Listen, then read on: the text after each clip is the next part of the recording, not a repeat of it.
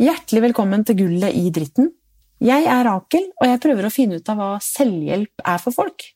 Hvordan kommer folk seg videre, og hva lærer de på veien?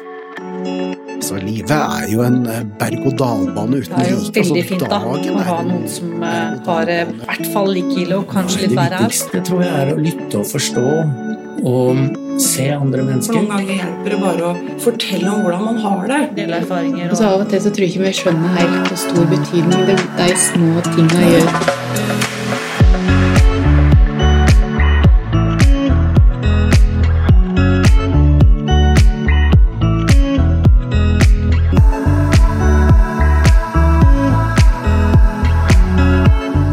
Det går bra, pappa, sa Karoline på fire år.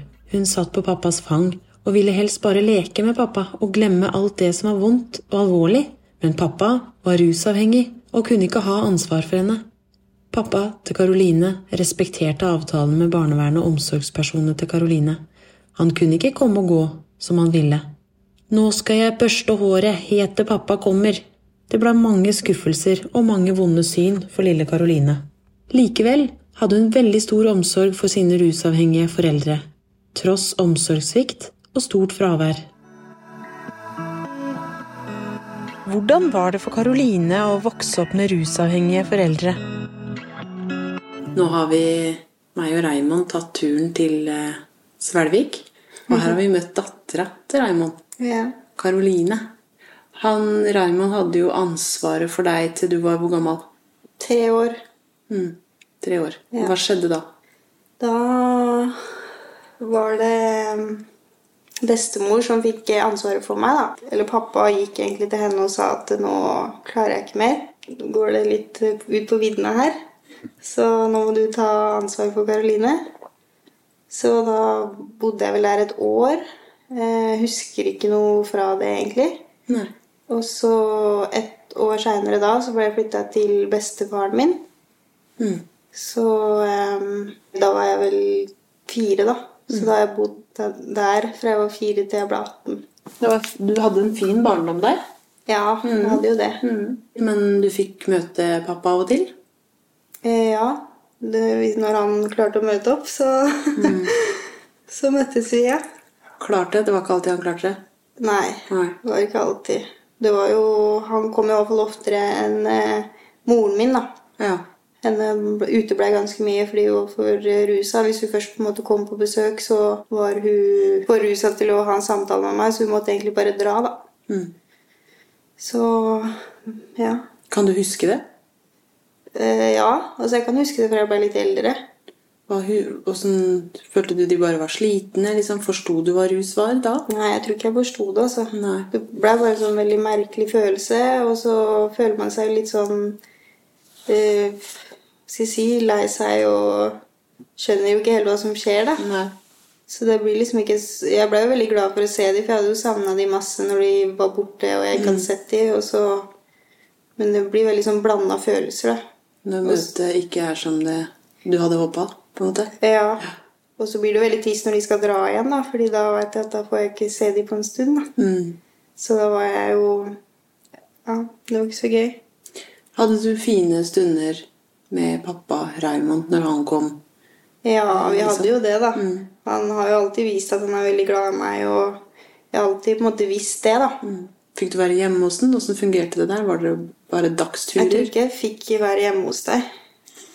Husker du den første praten vi hadde når jeg var, på, når jeg var i behandling? Ja, det husker, Eller når vi snakka hos bestemor.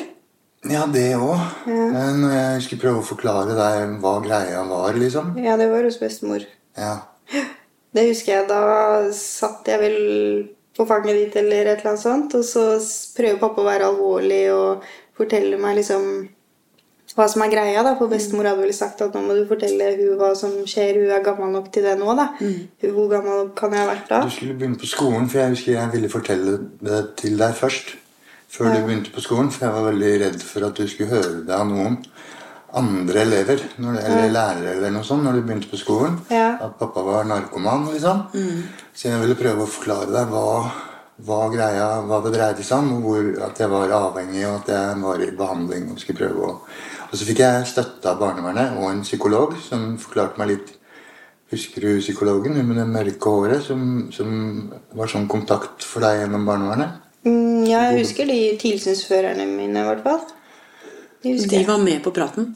Nei, men i forkant Ja, så var de litt sånn, hjalp meg litt med hva jeg skulle, hvordan jeg skulle legge det fram, og hva jeg skulle si. Så jeg forberedte meg veldig på akkurat den praten. Ja, det, det, det merka jeg også, at det var, og nå er det noe som skjer er her. liksom. seriøst. Ja, Ja. Sånn, han var veldig sånn mild og veldig eh, Ja. Jeg sa jo at jeg var syk, eh, for Ja. det, da var jeg i behandling. Så jeg var nykter og redd. Jeg hadde vært rusfri noen måneder og, og vært i døgnbehandling. Men jeg, jeg sa jeg var syk, og jeg forklarte at det ikke var din feil. At det Ja. ikke var noe du hadde gjort. Eller, det var jo veldig viktig at du skulle forstå at det var ikke noe gærent med deg. liksom. Mm. Eh, men at jeg var syk, og at det var min egen feil at jeg var syk. Det husker jeg. Ja. At jeg brukte medisiner. Eh, Ja, og, og typ piller og alkohol og sånne ting. For å, for å på en måte holde meg frisk, men samtidig at det var det som gjorde meg syk. Ja. Eh, og så liksom Det viktigste ved det var at hun ikke skulle føle på Eller at du ikke skulle føle på noen skyld eller tenke at jeg ikke var glad i deg, eller at det var noe gærent med deg. Ja. Og så prøve å forklare deg litt om hva som var gærent med meg, og hva problemet var, og at jeg skulle prøve å ordne opp i det. Eh, greia var jo at jeg hadde grua meg veldig. Eh, og, og holdt på oppi huet mitt med dette lenge og sånn. Eh, så kan jo du fortelle hvordan du reagerte. Mm, jeg husker egentlig at alt det på en måte bare skjøv jeg til side, fordi jeg fikk så vondt av han, da, og sånn han satt og var, og jeg merka at han var lei seg, og det var jo det verste jeg visste. Så jeg husker jo at jeg sa bare at eh, nei, men eh, det, det går bra, pappa, det er ikke noe farlig, og så det var på en måte sånn Satt du på fanget hans, liksom? Når han snakka om det? Ja. Eh, Nå, nå har vi snakka nok voksenprat. Kan vi finne på noe moro nå, pappa? Du hadde forberedt deg lenge. Ja. ja det husker jeg var liksom bare Ja. for at nå Glem det, liksom. Det går bra, det er ikke så farlig, liksom. Det er ikke så stort for meg, på en måte. Men det var jo egentlig det. Men det var veldig Jeg husker jo fra da jeg var veldig liten, så var jeg rett på på en måte det å skyve vekk, vekk mine egne følelser for å på en måte Det litt overlevelsesinstinkt, da. Du vil jo ha det gøy, men altså, Ja. kutt ut den alvorlige praten, da. Ja. Man er jo barn, så man er ikke så flink til å være seriøs og sånn. da. Det var jo Jeg er glad for at du gjorde det òg. Så Men du sa at eh, du husker at han sa at det var hans skyld. mm, Altså, jeg har blitt syk, det har vært mine valg, liksom. mm. Gjorde ikke det deg veldig sint? Eller skjønte du rekkevidden av det? Du gjorde kanskje ikke da? Nei, altså jeg var jo ikke sånn altfor liten, men eh, Nei. jeg ble ikke noe sint for det, altså. Bare likte den tida du fikk med, du. Ja. Jeg kjente ikke på noe sinne eller noen ting. Nei. Man blir jo medavhengig da av eh, å være pårørende. At man skyver vekk sine egne følelser og tenker mest på den andre parten. Og det gjorde jo jeg fra jeg var veldig liten, at man liksom skal ha omsorg for foreldrene sine, da, selv om man er barn. Det skulle vært motsatt, liksom. egentlig. Ja, det skulle jo det. Mm. Så jeg husker jo bestemor sa jo det når jeg bodde der det første året. Så hadde henne øh, sovet litt lenger enn det hun pleide, da. Så da lå jeg på en måte i min seng, eh, sprinkelseng eller hva det var, og blei ganske urolig, for nå skjønte jeg at nå er det noe som ikke er som det pleier, for nå sover henne litt eh, lenger. Så spurte jeg skal du ikke stå opp, og nei, hun var litt trøtt i dag, og så sa jeg liksom at jeg, øh, jeg husker jo ikke akkurat helt hva jeg sa, men det var sånn Går det bra, og jeg kan hente noe vann til deg, og liksom Og det ble bestemor veldig overraska over, da, fordi når du er så liten, så Det er ikke helt vanlig. Du hadde tatt en rolle. ja. Ja. Ønska hjelpe og vært opp. Ja. Så det Men når du begynte på skolen, Ja. åssen var det å være den som var et fosterbarn? Visste de var det Altså, ryktet går gjerne. Mm. De visste vel at uh, pappa var rusmisbruker? Ja, altså jeg har aldri hørt noe til det fra noen i klassen min eller noen på skolen sånn egentlig. Nei. Aldri blitt noe måte, mobba for det, eller at noen har sagt noe på det, altså. Mm. Har du vært åpen om det? Var det naturlig for deg? Jeg, tror, jeg kan ikke huske at noen har spurt meg om det heller. Nei. Men venninnene mine og sånn visste jo. Jeg tror jo alle i klassen visste det også. Mm. Så, så ble du ungdom sjøl, og da skjønte du mer av hva pappa hadde vært igjennom? Eller du forsto mer av Ja. det han sto i, kanskje? Ja, det gjorde jeg jo. Jeg husker jo når jeg var sånn 16 år, så hang jeg veldig mye hos eh, pappa, for han bodde jo nede i sentrum her. Så da dro jeg alltid dit etter skolen og var der med venninner, og det var liksom litt eh, Hva skal jeg si behagelig å være der, da, for man kunne bare være seg sjøl og Men Du hadde masse kontakt med han da? Ja, masse. 16 år? Det hadde jeg, og så var det jo litt eh, Fosterforeldrene mine ville jo ikke at jeg skulle ha kontakt med han en periode, fordi de visste jo at han var aktiv i rusmisbruket. Så han bodde jo ikke så langt unna barneskolen min. Så jeg prøvde jo å snike meg dit uh, hver gang jeg hadde muligheten. Jeg husker jeg gikk bort dit i friminutt en gang, og da var ikke han, uh, var ikke han der. Men jeg gikk jo rett inn, for det var ikke låst. Så husker jeg jo det sto masse ølbokser på bordet, og det var, sånn, jeg husker akkurat åssen øltype det var. Så det har liksom satt seg litt av det minnet, for det var jo litt sånn blod rundt omkring på bordet. og okay. ja, Så det var litt sånn Det var nok en grunn da, for at jeg fikk beskjed om å ikke komme til deg. Så husker jeg jo gikk og snoka litt og fant noen sånne piller og litt sånne ting. da. Og så bare skjønte jeg at ok, jeg må, må nok dra tilbake til skolen. da gikk jeg vel på barneskolen, da. For det var jo da du drakk en del. Ja. Vi hadde jo sånn i utgangspunktet et veldig ryddig forhold i og med at hun skulle få være i familien og være hos pappa. Så var utgangspunktet Dette var et samarbeid med, med barnevernet. ikke sant? Vi hadde veldig strikte rammer i forhold til besøksordning og hvor mange timer hver måned. Eh, og, og pappa og Bente har vi har hatt et veldig sånn ryddig samarbeid. Eh, sånn at men det, dette er dynamisk. ikke sant? Når jeg da har vært et år i behandling, f.eks., og hun har vært kommet på besøk, så skulle besøksordningen, så skulle jeg få litt mer ansvar, og vi skulle få være mer sammen. og sånn. Men så har jo jeg sklidd ut igjen i etterkant. ikke sant? Mm. Så har det gått utover Karoline, da, for dette går i bølger. og sånn som i, I lange perioder når jeg var sammen med Trine, så var det på en måte Trine som var trygghetsperson. For hun er jo ikke rusavhengig, og hun er en tidligere kjæreste, eh, spesialpedagog og jobber med barn og, og er veldig flink med barn. Eh, og så har min eh, situasjon endra seg ikke sant? fra det bedre til det verre. og sånn. Trine kjente Karoline godt fra hun, fordi hun var barnehage. eh, Hun jobba i barnehagen da Karoline var liten.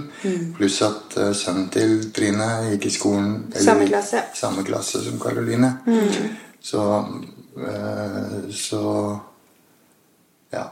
Og så ble jeg sammen med Trine, og vi var sammen en del år. Eh, og da var hun liksom Hjemme hos Line var det ordna forhold, og når jeg var der og vi var sammen, så var jeg stødig, og, og så var hun der òg, ikke sant. Og vi hadde Ja, jeg kan huske en gang sånn veldig smått eh, at jeg var på besøk hos Trine, faktisk. Og det var liksom første gang jeg følte at jeg egentlig kunne se på henne litt som en stemor. da. Og du var jo rusfri og føltes egentlig veldig bra. å være Men der, du hadde ikke ansvaret for det da? Nei. Nei, da var da du bodde hjemme hos bestefar. Ja. Ja. Så du har egentlig bodd hos bestefar i, fra du var tre til Til 18, ja. til 18 år. Ja. Mm. Så det er jo ingen av de som har hatt ansvaret for meg. Nei. Det eneste er fra jeg var født og til jeg ble tre år, da. Men da fikk du komme og bo litt hos Trine og deg. Ik Altså- ikke jeg. Jeg var bare på besøk. Bare på besøk, da. Ja. Mm, okay, og hvis vi, jeg og pappa mm, skulle møtes, så var det Jeg tror jo barnevernet var der. Mange av gangene i hvert fall. At, eh, I hvert fall i starten da jeg var veldig liten, så var det ikke sånn at jeg bare kunne dra og være hos pappa. Da, da var det hjemme hos fosterforeldrene mine, og så I hvert fall de var der, da, fosterforeldrene mine, og så kom du. Mm. Det var det som var standarden. Mm. Det var ikke noe tilsyn. Vi hadde en periode med tilsyn eh, før du flytta Ja. eh, med barnevernet. Eh, men ellers så fungerte det så bra. Eh, faktisk sånn, altså Ikke bra for hennes del, men i forhold til avtaler og det vi var blitt enige om, så er jeg nødt til å forholde meg til det. Jeg, jeg kunne, altså, når pappa tok over omsorgen og blei fosterhjem, så var det klart for meg at nå kan ikke jeg, nå må han ta seg av dattera mi. Eh, han kan ikke være pappaen min. Altså, sånn, jeg kan ikke komme og gå der som jeg vil. Nå må jeg respektere for at, de skal, for at dette her skal gå bra. så må jeg på en måte forholde meg til de besøksordningene jeg har. Så jeg kan ikke være i hjemmet mitt. Jeg kan på en måte ikke huske så mye av de møtene sånn egentlig fordi jeg var så liten. Så jeg kan ikke huske Jeg husker jo mamma når henne kom og var veldig rusa og det der, men jeg husker jo noen ganger du har kommet, og så har vi hatt det hyggelig. Men så det som setter seg veldig, er jo de episodene der hvor du på en måte ikke kommer. da. Det er jo de tingene jeg kanskje husker best, og det er litt synd at det skal være sånn. Men sånn, jeg husker jo også du hentet meg i barnehagen en gang. Det husker jeg faktisk, fordi da liksom løper jeg opp til der hvor liksom uteområdet, da, så er det et gjerde. Og der kan du stå og se de som kommer og går, og der løper jeg opp, fordi da visste jeg at du skulle komme. Og så satt jeg der i liksom kjempelenge. Jeg husker de barnehagetantene kom bort og sa Karoline, nå må du komme ned og leke litt. da, og prøve, For de visste jo sånn dette her, at jeg skulle bli henta den dagen. da. Og da husker jeg jo satt der og satt der og satt der, ikke sant? og så kom det jo aldri, da. Så det, jeg husker jo på en måte de, de skuffelsene der, da. Samme var det jo hos eh, fosterforeldrene mine også. Så husker jeg kunne sitte i vinduet, på en måte, og så var det sånn Nå skal jeg børste håret mitt helt til han kommer. og liksom Sånne rare ting. Det var sikkert litt sånn strategier fordi jeg på en måte var så usikker på kommer han i dag eller kommer han ikke. da. Men den skuffelsen ble jo egentlig så stor hvis det ikke blei oppmøte, da. Du savna ham så sinnssykt og hadde forventninger. Ja, så det er litt vanskelig når det på en måte er sånn på begge plan at det gjelder både for pappa, men samme var det jo når mamma skulle komme og besøke meg. da. Og henne var jo enda dårligere på de oppmøtene. Så, Men du er liksom Du er vant til å se mammaen din rusa. ja. Åssen er det? Åssen var det? Nei, det var veldig vanskelig, fordi henne bodde jo i Tønsberg. Eh, og jeg veit ikke hvordan eh, de fikk til det, men jeg skulle fall dra helt til henne da når jeg gikk på barneskolen. Eh, uten tilsyn. Eh, så jeg dro jo til Tønsberg, og der var jeg med henne. Men hun var rusa hele tiden, da. Så hun hadde jo tatt heroin, og så satt bare i sofaen og sovna rett og slett da, med røyken i hånda. Så den aska ble jo bare lenger og lenger. Til jeg på en måte måtte dunke borti og si 'mamma, nå må du ta bort aska', liksom, før det begynner å brenne her. Og mat. Hvor gammel var du? Klarte du å liksom Ja, Jeg husker ikke helt hvor gammel jeg var, men jeg gikk på barneskolen.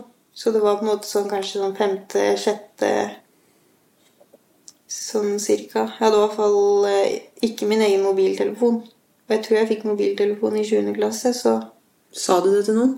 At Nei, det skjedde? jeg sa det ikke til noen. Så det var jo ganske mange besøk det blei der til slutt. da, Og det var jo, husker også at hun bare låste seg inn på badet og bare satt der i flere timer. Det var ingen som spurte om åssen det var hos mamma? Eller Det kan jeg ikke det, huske, du- altså, men jeg tror jo det at de fosterforeldrene mine når de kom og henta meg, spurte jo sikkert åssen var det Var det hyggelig De må jo ha spurt om det. Ja, men Men da har jeg sikkert bare sagt eh, ja, det var fint. Hvorfor det? Hvorfor turte du ikke til til og med fosterforeldrene dine, som Jeg du var så glad i å si?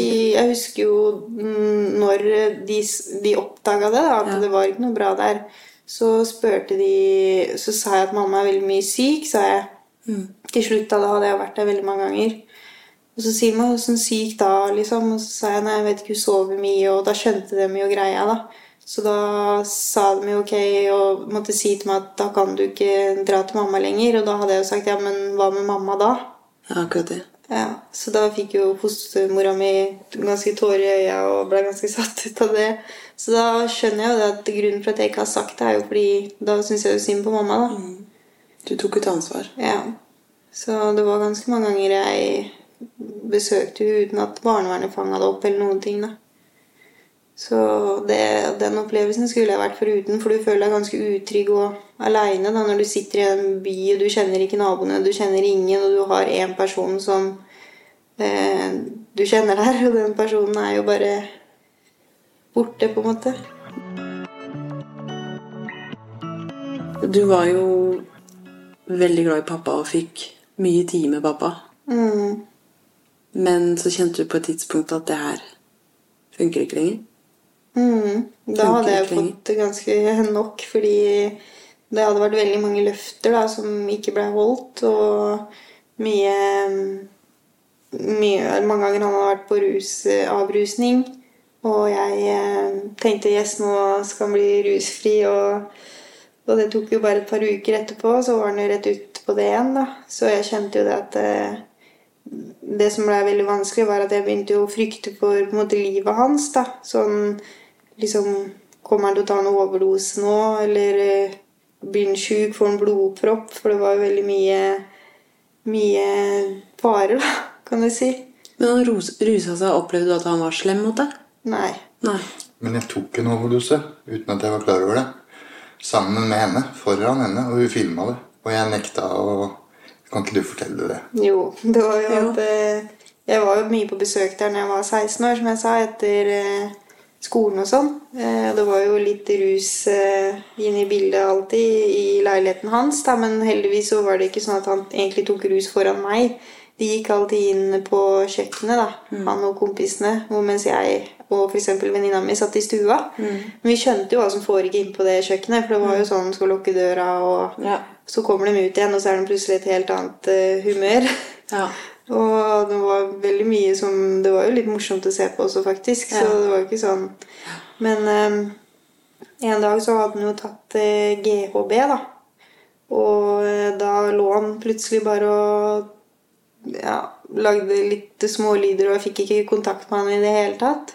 Så jeg ble jo litt redd, og så filma jeg han da, for å tenke nå skal jeg vise dette her til han, hvordan det faktisk eh, ligger an. da. Så det viste jeg jo til Og du ville jo ikke tro på Nei, det har ikke jeg gjort, og det skjedde ikke. Og se jo, du gjorde faktisk det. Så viste han det, da. Så da fikk du deg en overraskelse, tror jeg. Hva skjedde da, Raymond, når du så det der? Jeg trodde oppriktig Jeg hadde ikke fått det med meg sjøl, for du merker jo ikke at du går i en overdose sjøl. Det, det, du, du bare besvimer, og så kommer du til deg sjøl. Men når du er såpass rusa, så Jeg hadde ikke noen opplevelse av at det hadde skjedd. Så jeg trodde hun tulla med meg. Jeg ble faktisk litt irritert. Ikke, for jeg trodde hun skulle kjøre huet på meg. Og liksom, jeg jeg veit alltid hva jeg gjør. Jeg, jeg blir ikke psykotisk og liksom, jeg har full kontroll. Og men hun, hadde, hun kjenner meg jo. Hun visste, visste nok hvordan jeg kom til å reagere. Og hadde det da på kamera. Da ble jeg overraska og sjokkert. eh, Samtidig så skal det eh, Jeg må jo si at i den siste perioden der, i slutten av tenåra hennes, så var, det, så var jeg liksom på vei ut igjen. Hadde jeg, hadde jeg hatt en periode hvor, hvor jeg fø, følte at jeg var ganske stabil sjøl. Og, og det var en grunn til at hun fikk lov til å komme litt oftere. liksom. Og så begynte ting å skli skikkelig ut med det der GHB-greiene og amfetamin og piller. og slutt med Trine, og så bare ga jeg er sånn helt utpå igjen. ikke sant? Eh, men en del av det dreier seg om at jeg også føler det samme sviket. Alle de gangene jeg har svikta henne. Eller jeg har ikke vært henne. Jeg vet ikke hvor, hvor mye Karoline har liksom savna meg, og, og hvor mange ganger hun har håpa og venta og blitt svikta. Men det er meg som har stått for de svika. Jeg er jo ikke helt uh, Og det er mye av grunnen til at jeg har rusa meg. ikke sant? Eh, og når jeg feiler igjen da, så blir det bare ti ganger verre. Jeg må bare ruse meg enda mer. Eh, Bort med skammen, bort med den bort med kjipe følelsen. og også dårlig samvittighet eh, og alt det der. Så det blir bare verre og verre når avhengighet eh, utvikler seg. Og det kom eh, til slutt eh, til et punkt hvor Karoline tok det ultimate ansvaret. Da, ikke sant? Eh, men det måtte til.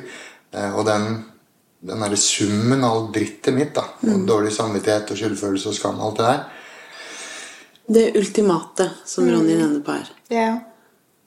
Hva skjedde?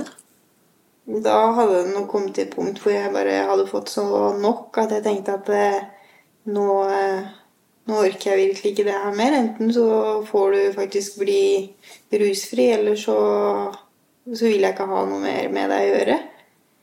Fordi da har jeg det faktisk bedre uten alle de bekymringene. Og Skuffelsene og Ja, jeg hadde jo hatt bekymringer uansett, men uh, jeg tenkte at da får du i hvert fall miste meg, da. Så da satte jeg foten ganske hardt ned, og jeg har jo ikke gjort det så mye tidligere, så Åssen klarte du det? Å stå for det og ikke angre etterpå? på en måte? jeg angra etterpå. Ja. det gjorde jeg. Du sto fast på det? Ja, jeg sto fast på det. Ingen kontakt med pappa så lenge han Mm. holder på med rus? Ja. Jeg kjempa desperat, husker jeg. Jeg husker Ja. ikke hva jeg sa. Jeg bare kjempa og kjempa. Kjempa veldig for at jeg skulle trekke, trekke meg og Ja. ikke mene meg likevel, da. Jeg, skal, skal si, jeg var veldig lei meg, så jeg hadde jo sendt, eh, sendt et bilde av at eh, jeg var helt knust. For jeg tenkte nå skal han faktisk få se åssen det føles, da. For jeg har jo ikke vist den siden så veldig mye. Eller turt Nei, å si sterk. Ja, turt ja. å si hvordan det føles for meg, da. Så da fikk jo han se det, og det knakk jo han ganske greit. Så det funka jo litt, holdt jeg på å si. og med en gang etter jeg hadde sagt det, så angra jeg meg jo for at jeg hadde sagt det. Men jeg tenkte jo også at det her må jeg rett og slett stå i. For jeg følte at det var den eneste muligheten min for at han sk kanskje skulle gidde å bli rusfri. da. Nå hadde jeg jo prøvd en annen strategi, og det var jo å være der for han hele tiden. Vise at jeg er glad i han og alt. Men det hjelper jo ikke. Og at du ikke orka mer. Altså, du hadde vært sterk kjempelenge. Ja. Tålt kjempemasse. Tilgitt masse. Ja.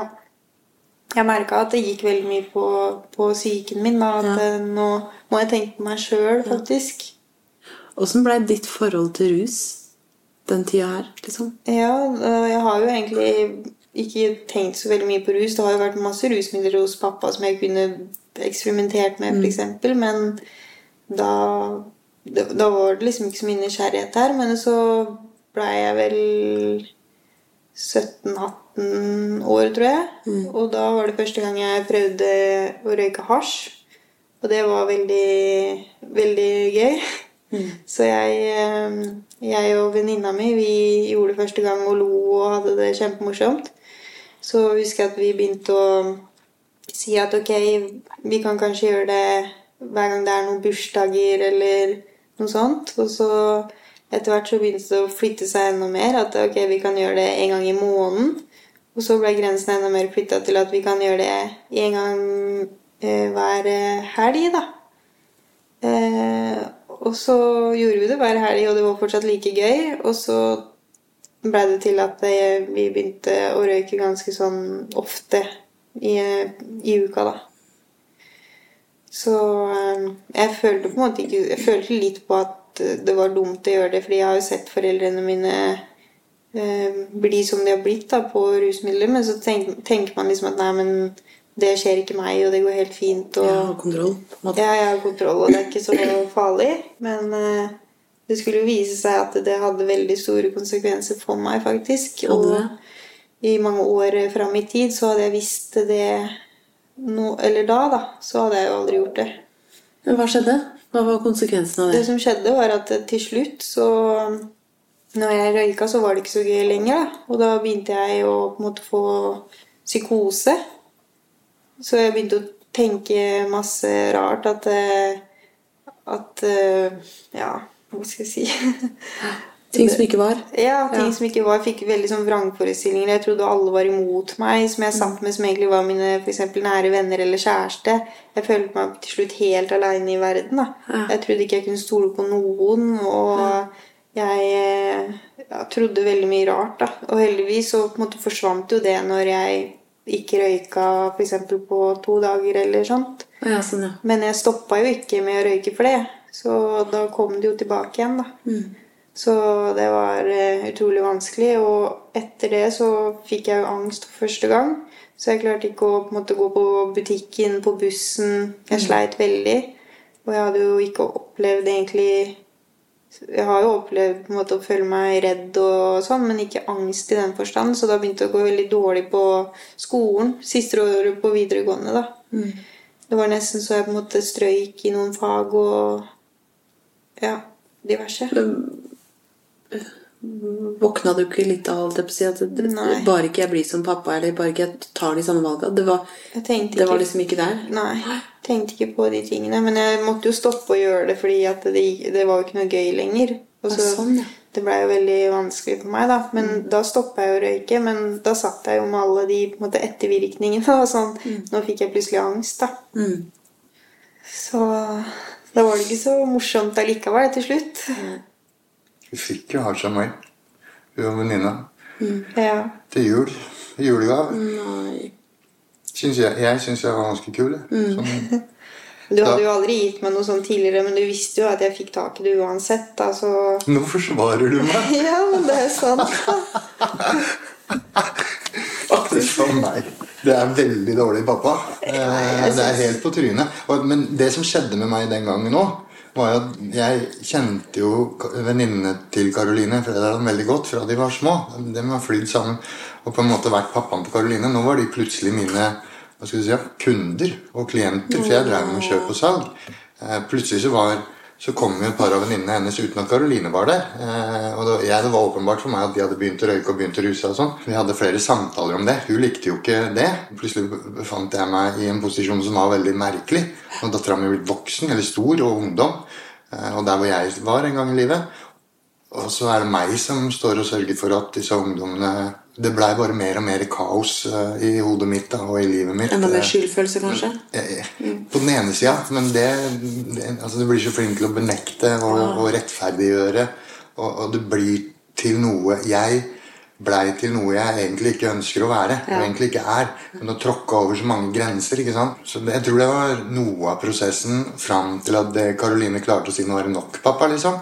Fordi, fordi jeg, jeg likte ikke meg sjøl lenger. Jeg var blitt til noe jeg hata. Jeg klarte ikke å se meg i speilet engang. Jeg var ikke, var ikke eh, Det var veldig mange episoder også som var litt eh, traumatiske, som førte til at nå Det var jo den gangen du hadde enten dette på sykkel eller fått juling. Jeg vet ikke helt um, hvilken av versjonene det var. Fordi jeg fikk jo høre at du datt på sykkel. Men da hadde du jo fem brudd.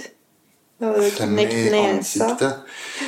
Og brudd i kraniet, nakken og kjeven og Hun fant meg altså i en blodpøl. eh, hjemme hos deg. Ja. Så da lå du jo bare i senga di med åpne sår og masse blod, egentlig, og så jo ikke bra ut. Og jeg ble jo ganske redd da og sa vi må ringe til uh, sjukebilen eller lege. Og du ville jo ikke det, så da du var sånn Nei, bare ta et håndkle på badet og liksom ta litt vann på det, så går det fint. Så da gikk jeg i hvert fall inn på badet og henta så et håndkle der, og det var jo litt eh, møkkete og var jo ikke akkurat helt egna til å bruke i åpne sår. da. Jeg nekta de andre å ringe og gjøre noe sånn, for vi Ja. hadde ganske mye stoff. da. Mm. Og jeg kunne liksom ikke Jeg husker jeg spurte deg Karoline, du må finne ei skjorte og noen solbriller. Jeg skulle liksom pynte meg. da. Ja. Han var jo en helt annen person når han holdt på med rus, fordi man blir jo ganske skrullete og veldig sånn eh, ikke seg sjøl. Og jeg husker jeg fikk en julegave en gang, og det var bare en lyspære pakka inn i en, eh, en eske. Og så var det vel eh, ja, mye rart, altså, og masse greier som sto på den esken. Og jeg tror du var skikkelig sånn uh, rus da. Så det var liksom den ene gaven jeg fikk. Og det var sånn, hva skal jeg med det her? Det er veldig mange sånne samla da, som gjør at du bare får nok. da. Det, Nå er det jo ikke bra, på en måte. Nå begynte jeg jo å frykte for at han skulle dø. da. Så jeg kjente at det ble for vanskelig for meg, rett og slett. Du skulle jo flytte til Sol... I Stavanger. Ja. Det var en del av det òg, at hun skulle flytte vekk. Og da eh, løsrive seg egentlig litt Ja, fra meg. da. Ja. Så hun eh, Det er tøft gjort, da. Dritbra. Ja. Jeg husker første gang han fortalte til meg at nå skal jeg på avrusning. Det trodde jeg ingenting på. Nei. Han sa at nå skal jeg på seiltur hit og dit. Og så tenkte jeg at det kommer aldri til å skje. For det hadde vært snakk om noe sånn tidligere. At han skulle til sånn Costa Rica eller hva det var for noe. Og det ble jo ikke noe av. ikke sant? Så jeg tenkte det her er bare ljug. Eh, så- men så viste det seg at det var jo ikke det, da. Så da kjente jeg at jeg fikk eh, håp, og så tenkte jeg at ok, vi får se. Det kan jo godt hende at det her ikke går, da. Så jeg tenkte liksom, etter hvert da, når jeg skjønte at det her er jo seriøst og begynte å tro litt på det, så tenkte jeg ja, ok, etter to-tre år, da stoler jeg 100% på det her. Så så lang tid måtte det gå før jeg eh, ble trygg på det. Ble du stolt da, etter tre år? Ja, det var jeg. Veldig. Da kjente jeg på en måte bare sånn Det var på en måte som å få skal si, pappa tilbake, da. Det var eh, veldig deilig. Ja. Da var jeg veldig stolt, da.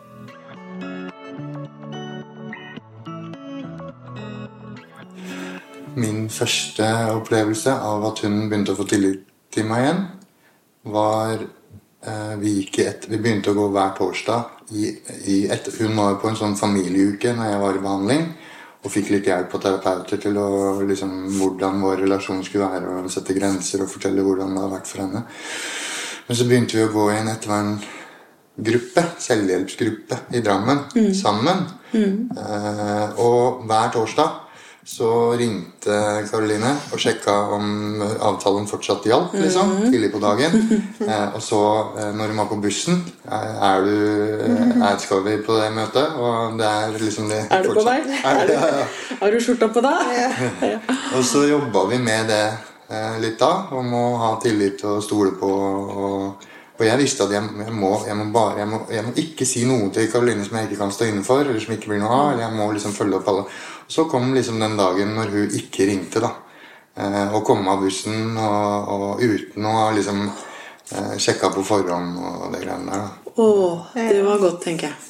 Jeg er så Hva sa jeg igjen? Jeg Det er så godt å, å vite at når du sier at vi skal noe, så, så blir det liksom. Så skal Ja. vi det. Og når du sier at uh, vi skal møtes og sånn, så, er, så trenger ikke jeg å liksom gå rundt og Da er du der. da, ja. Å, Ja. slutta å svikte. Ja. Han holdt det han lovte. Ja. Jeg syns det er spesielt. Og det er veldig rørende å se åssen dere har det nå. I relasjonen deres. Og jeg er egentlig litt overraska Ja. over at den er så god. For jeg hadde nok hatt veldig forståelse for at du var irritert eller litt bitter eller Men du har ikke det. Nei. Nå, vi har jo på en måte alltid hatt et forhold hvor jeg har jo blitt mye svikta, og han har gjort ting som har påvirka meg negativt, men som, han har jo aldri vært noe slem mot meg. Jeg har alltid visst liksom at han er veldig glad i meg. Han har alltid vist det, selv om handlingene hans noen ganger på en måte har vist noe annet. Men, eh, men jeg har alltid visst det inni meg, da. Men de selvhjelpsgruppene som dere var med i, hva gjorde det for deg? Mm, det hjalp meg ganske mye. Jeg var ikke vant til helt til den situasjonen da, å sitte og dele eh, ting rundt meg, folk jeg ikke kjenner helt. Men jeg kjente at jeg hadde faktisk veldig godt av det, fordi du får kjenne på ting du egentlig ikke kjenner på i hverdagen. da. Og når du hører andre prater også, så klarer de på en måte å sette ord på følelser du har som du ikke helt veit hvor du skal plassere. Så er det sånn Ja, akkurat det er det jeg føler, og det har jeg ikke klart å sette ord på før, da. Du fikk sortert. Ja, og jeg fikk på en måte høre andre som har s- ja, noenlunde lik erfaring, og føle at jeg ikke er aleine, da. Og det er på en måte noe jeg har følt eh, ganske sånn hele livet, fordi jeg har ingen venner eller noen i klassen som på en måte har hatt det sånn som meg, da. Så det hjalp veldig mye. Er du stolt av Karoline eller noe? ja. Det er det. Det skjønner jeg godt. Ja. Åssen har Karoline det i dag?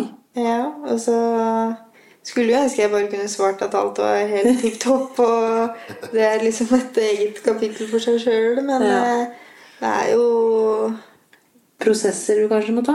Ja, Fortsatt, altså, ja. det er jo litt vanskelig å skulle bli liksom, Nå er jeg 28 år, så da begynner du å bli veldig voksen, da. Men jeg kjenner jo at eh, det er litt vanskelig å gå i den rollen helt, og man har jo visse vanskeligheter da, som på en måte man har fått gjennom livet, som gjør det litt utfordrende. da.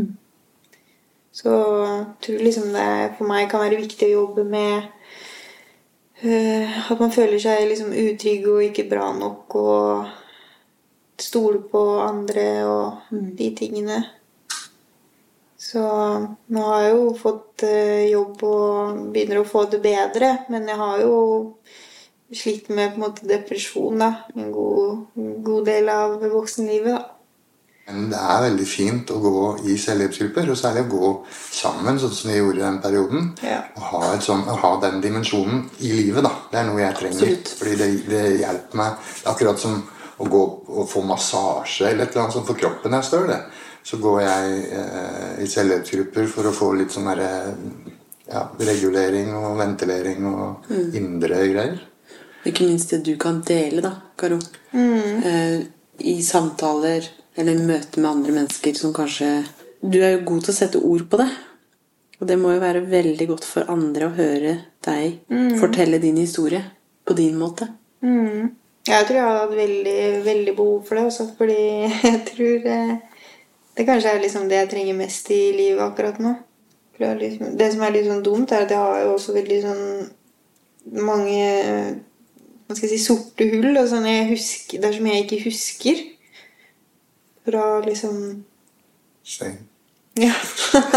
Det er kanskje like greit, men det kan jo også komme. ja. Angrer du for at du begynte med hasj? Jeg angrer veldig. Jeg tror det er nesten det dummeste valget jeg har tatt i hele mitt liv. Hvorfor det? Fram til nå. Fordi eh, det var gøy, og så etter jeg fikk på en måte de negative virkningene, da, så har det vart nå i ti år. Så jeg blei aldri meg sjøl igjen, rett og slett. da. Så det virker som det er noe kjemisk i hjernen som bare endra seg. Så um, Får ikke den samme gleden tilbake? Er det litt sånn? Ja, og så er jeg ikke liksom den glade personen som jeg var før jeg røyka hasj. Og den, det skillet er veldig tydelig. på en måte da. Før så var jeg sånn Jeg lo til jeg fikk latterkrampe. Nei, til jeg begynte å gråte, liksom. Og ja Var veldig glad, egentlig. Rett og slett. Hadde ikke så mye bekymringer og tulla masse, og folk lo av meg, liksom. Og det var, jeg var en helt annen jente, rett og slett. Så den dag i dag så kjenner jeg liksom fortsatt på det at jeg, savner den jeg var da før jeg røyka hasj. Og at jeg skulle gjort ganske mye for å på en måte skru tida tilbake, men det går jo ikke, da. Så det er sånn ungdom som tenker at det, er kult og tenker ikke konsekvenser, da. Skulle liksom bare visst at etter ti år så angrer man fortsatt så mye, da. Hvor gammel var du da du prøvde første gang? Jeg var jo sånn 17-18. Og da visste ikke du om konsekvensene? Jeg visste at ikke det var bra, og at man kunne bli avhengig, men jeg tenkte ikke over de psykiske problemene man kunne få. For jeg har liksom tenkt at eh, faren er liksom bare at man blir avhengig, da. Og det er det som er farlig med det. Da så nevnte du på det her med hallusinasjoner. Mm. Kom det kjapt? Nei, det tok faktisk eh, hvert fall et år, tror jeg. Det må vel være sjukt å oppleve. Ja, og så det, det var jo sånn heller at jeg fikk sånn vrangforestillinger. At jeg trodde ting og så på meg at alle var imot meg og blei veldig paranoid. da. Man får en personlighetsforstyrrelse. Ja. Både det og til meg har du beskrevet at du Eller beskrevet, altså, du har jo sett deg i den prosessen. Det at du før du begynte å røyke hasj, var mye mer fri. ja Og så, så fikk du på grunn av det så fikk du mye mer hemninger og utrygghet Eller hemninger, sånn at du, Ja. Du var liksom fri, en friere person. eh, Jeg tenkte uredd. ikke så mye på en måte, og bare levde. Og når jeg våkna opp, så var jeg på en måte glad, og det ble en fin dag. Men sånn nå så sovner jeg på en måte sånn tungt, og det er sånn, åh, alt er dystert, og våkner sånn også. Sånn har det vært helt siden den dagen. Så og jeg har prøvd å snakke med psykologer, vært hos legen. Det er liksom ingenting som har fått meg litt tilbake til den jeg var en gang. Så det er ganske store konsekvenser, da. Bare for å ha det litt gøy. Så, og jeg er veldig sånn i mitt eget hode bekymrer meg over masse.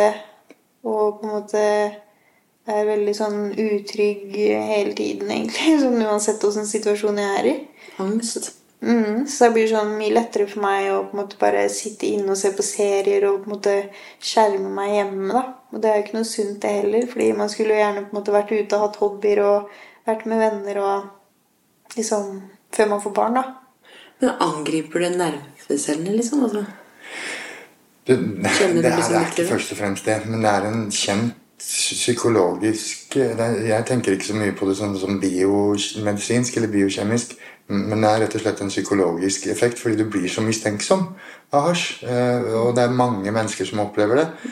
Jeg eh, opplevde det ikke så sterkt, og så brukte jeg andre midler for å bli ja, Da begynte jeg å bruke amfetamin, og jeg fikk de effektene som hun snakker om. Eh, Så fant jeg ut at benzoamfetamin, hvis jeg bare tar det isteden, så blir jeg utadvendt og full av energi. og liksom, da, Så drit i det litt. Det er jo kjent at man kan få f.eks. diagnosen schizofren. Eh, og det kan jo være at det er andre diagnoser man kanskje kan få, at det utløser noe som ligger litt i genene, da, som kanskje ikke hadde brytet ut. Men når du røyker hasj, så er det med på å endre Alle Noe. som røyker hasj, forstår at du blir litt forskrudd av hasj, rett og slett. Og, og du kan bli ganske sprø òg, og ikke på en sånn god måte. Eh, For du blir sånn mistenksom Ja. til alt. Sånn småmistenksom. Og litt Og så blir det sterkere og sterkere. Og det er et eller annet som ikke stemmer her. liksom. Hva faen er det? Det er jo ikke meg.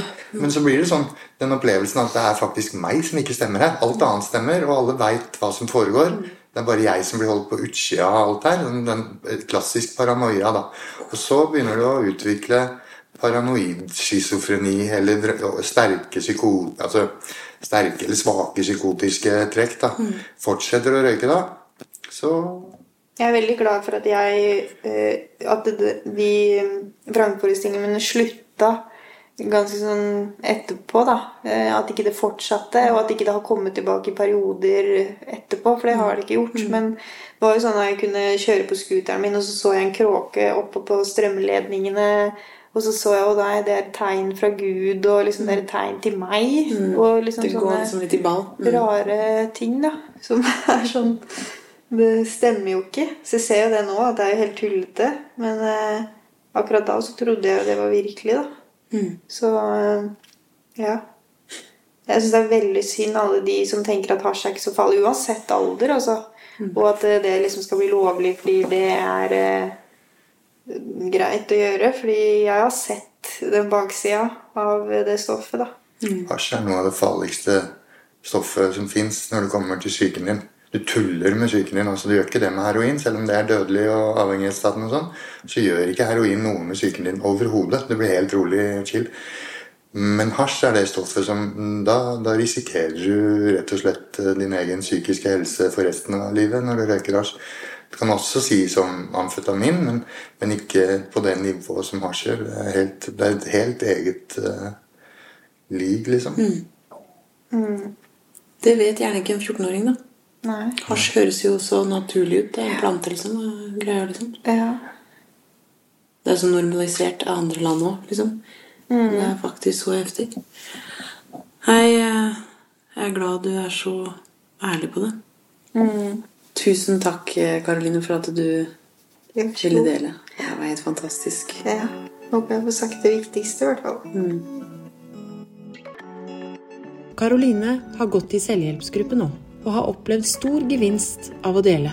Når hun har vært ute med sin historie, opplever hun å bli kontakta av unge som har opplevd mye av det samme. I dag har Karoline det godt og er i full jobb og bor i egen leilighet i Svelvik.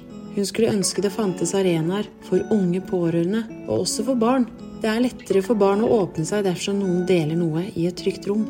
Det er også stor gevinst i å få andres historie, sier Karoline. Karoline har vært veldig takknemlig for at hun har funnet en selvhjelpsgruppe nå. Hun skulle ønske at det offentlige la mer til rette for barn og unge, som også kunne møte hverandre i en slik situasjon som hun selv har vært i. Det er gull å kunne dele. Ønsker du å møte andre i et trygt fellesskap? Se vår hjemmeside for mer informasjon selvhjelp.no.